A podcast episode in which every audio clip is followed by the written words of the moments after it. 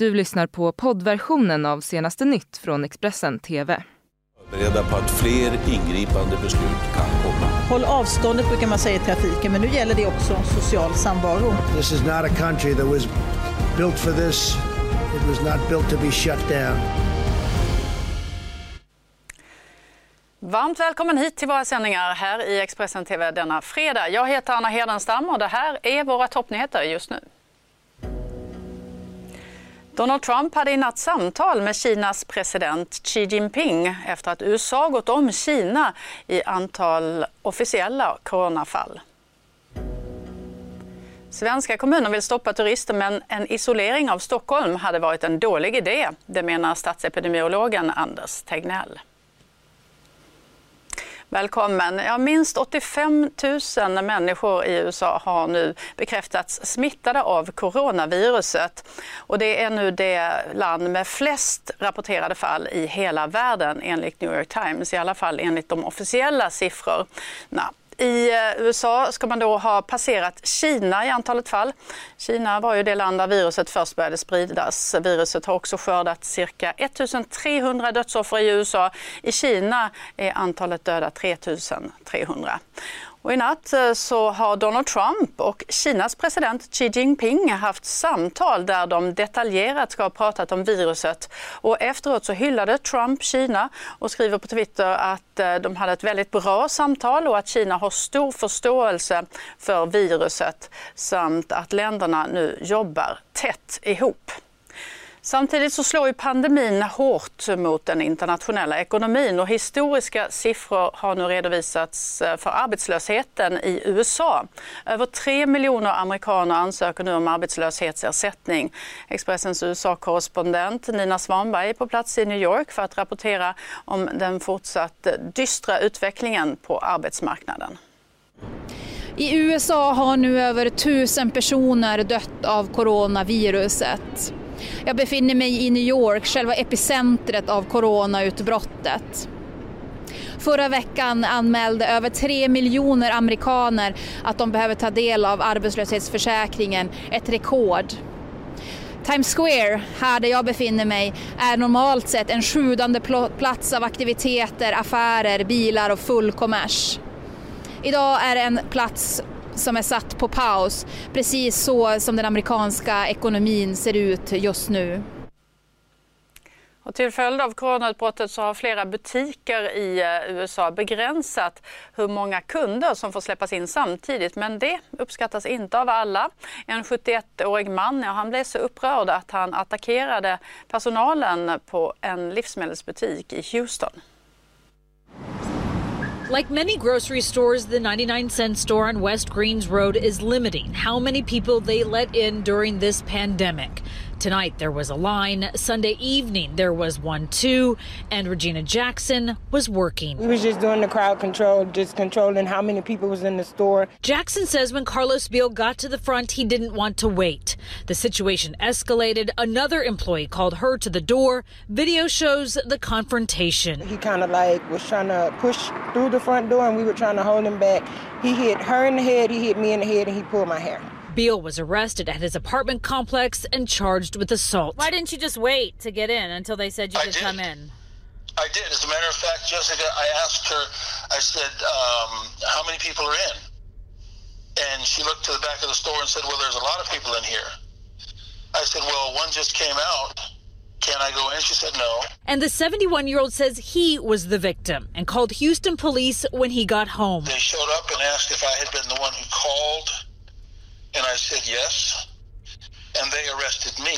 The store employees have not been charged, though Jackson did quit after she was put on leave because she got a knife, as seen in the video. I'm gonna do what I have to do to try to defend myself. Beal has been given a court date. He says he understands why certain measures are being taken. Jackson imparts this advice. Just stay cool, stay calm, and just abide by the rules. The rules are in place for a reason. You know, it's, it's a reason for rules, so just do it. Till eh, Sverige nu. Kommunalrådet i Sotenäs eh, på västkusten vill att regeringen nu ska agera för att stoppa sommarstugeägare från att söka sig till kommunen under coronautbrottet. Vården räcker inte till, säger moderaten Mats Abrahamsson till Ekot. Antalet boende i Sotenäs är 9 000 men den siffran mer än fördubblas under våren och sommaren. I Norge har regeringen sedan drygt en vecka tillbaka förbjudit norrmän att eh, resa eh, och bosätta sig i sina eh, fritidshus för att då på så sätt minska smittspridningen. Under veckan så har det också förekommit uppgifter om att samtal pågår om att isolera Stockholm från resten av Sverige för att på så vis stoppa smittan från att sprida sig. Statsepidemiologen Anders Tegnell tycker dock att det vore en dålig lösning. Nej, det tror jag inte. Det skulle vara väldigt komplicerat, ha väldigt mycket negativa effekter och väldigt tveksamma positiva effekter. Eh, jag kan inte, det finns ingenstans i världen förutom i Kina man har stängt ner en sån här stort område och framförallt inte huvudstaden som är ju liksom är spindeln i allt kommunikation och sånt. Det skulle få väldigt omfattande effekter. Men en isolering som vi såg i norra Italien till exempel, hade inte det kunnat vara möjligt i Sverige, i Stockholmsregionen? Ja, men det man gjorde i norra Italien var ju att sätta några mindre städer som låg ute på landsbygden i, i den här typen av karantän. Det kanske kunde fungera, fungera även om vi inte riktigt vet om det fungerade ens i Italien för där har man ju fortfarande en väldigt omfattande smittspridning. Så att, att sätta Stockholm i karantän, det vore rent av en, en dålig idé? Ja, jag tror att det, ja, min bedömning är att det vore en dålig idé. Finns det något scenario som skulle göra att du ändrar åsikt i den frågan? Joakim Rocklöv till exempel, han pratar om att vi kan se 100 döda i slutet på den här helgen. Skulle det kunna vara ett scenario där man då måste fatta sådana här drastiska beslut ändå? Ja, men det kan ju komma scenarier när man måste fatta drastiska beslut, kanske av politiska och andra skäl som inte ligger inom vårt område. Men när det gäller antalet döda så måste man komma ihåg att det speglar dynamiken i smittspridningen för tre, fyra veckor sedan. Den speglar inte vad som händer idag. Så att rikta sin, rätta sina åtgärder efter dödsfall, det är helt fel. Det är svårt att göra prognoser såklart, men, men ser du någonting som tyder på att vi når en kulmen eller att vi börjar närma oss en kulmen? Nej, jag tror inte vi börjar närma oss en kulmen. Vi börjar närma oss början på kurvan, vilket betyder att kulmen tyvärr är en bit bort.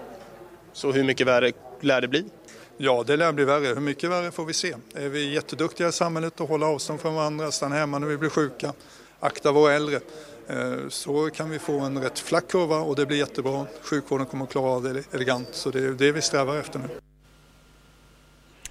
Coronautbrottet ökar ju som bekant pressen på vården men det akuta behovet av eh, vårdmaterial är nu säkrat. Det konstaterar Taha Alexandersson från Socialstyrelsen. Men långsiktigt, långsiktigt så behöver man fortfarande få in mer material. Eh, vi får in mer och mer leveranser till lagrarna men det är återigen precis som igår, det är ingen uthållighet över tid i de här leveranserna. Men väldigt många hör av sig hela tiden. Vi har fått upp takten rejält nu med också samarbetet med Försvarets materielverk så att, eh, och eh, Försvarsmakten så att mina förhoppningar är goda att, de ska, ehm, att det ska också byggas upp ett lager över tid. Så att, men det är fortfarande lösa de akuta bristsituationerna som gäller just nu nya produkter som kommer in, kommer det från utlandet eller var kommer de här ifrån?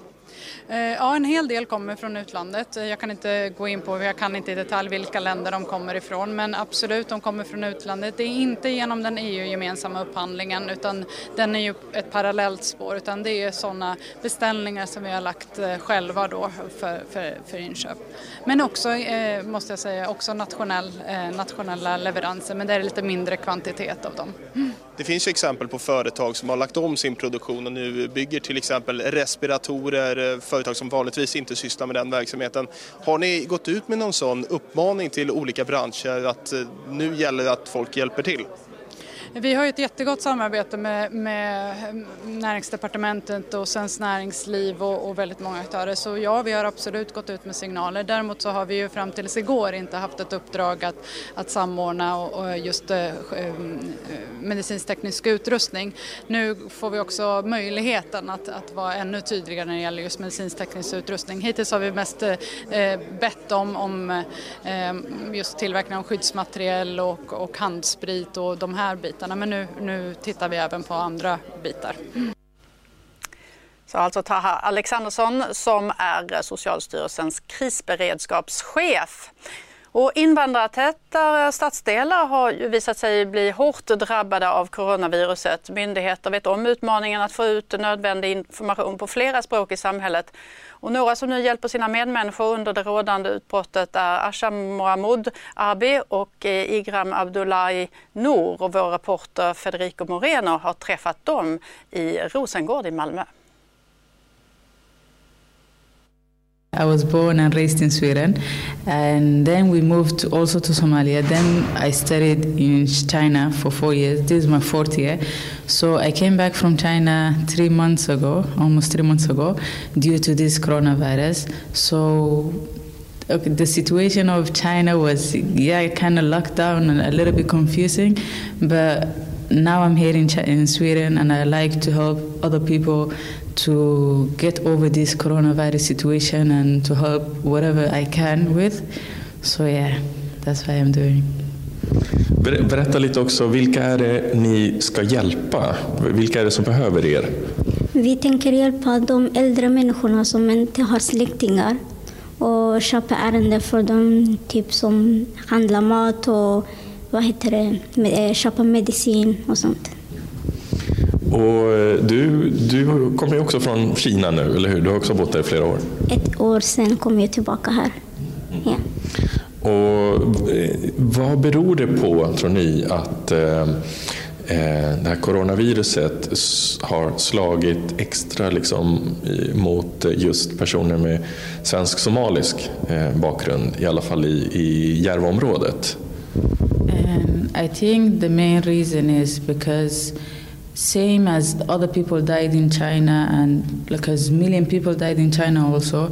I think the main reason is because it's this virus is new to Sweden right now, not like Chinese people they got over it right now. So a lot of people are confused. They don't know as long as it's already winter season, flu is a normal thing to happen during winter. So people doesn't know the difference between what flu is and what coronavirus is. Maybe they might have some symptoms, but they don't know what if this symptom is coronavirus. So they might go to other people and visit other people still, no, not knowing that they have coronavirus. Så ska vi till äldreboendet Attendo Enhagsslingan i Täby. Där tycker man att det är viktigt att uppmuntra de gamla lite extra nu så här i coronatider. Och därför så arrangerade man en utomhuskonsert på innergården som alla kunde njuta av i förmiddagssolen. Allt bakom oxar Tio från stadens sus och dus Jag reste klockan nio, mitt mål var Santa Cruz med fyra ton på kärran, gitarren i min hand Jag spelade för herran och sjöng om Pampas land det viktigaste är att vi sprider kärlek och uppmuntrar våra äldre. Eh, och eh, ja, eh, det är bara att sprida kärlek, det är, det är ingenting annat. Är det betydelsefullt att man arrangerar en sån här? Ja, det tror jag. Det är samma sak som att när någon fyller år så, så gör, hänger vi upp girlanger och allt, allting ska firas, allt som går att firas. Och det spelar ingen roll, det slutar ju inte för att man blir äldre. Talar ditt och kärlekens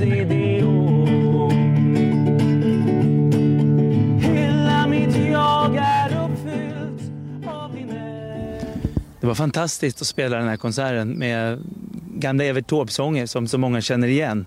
Och det, det var en tanke med det, det att man ska kunna liksom halka tillbaka på någonting bekant i de här orostiderna.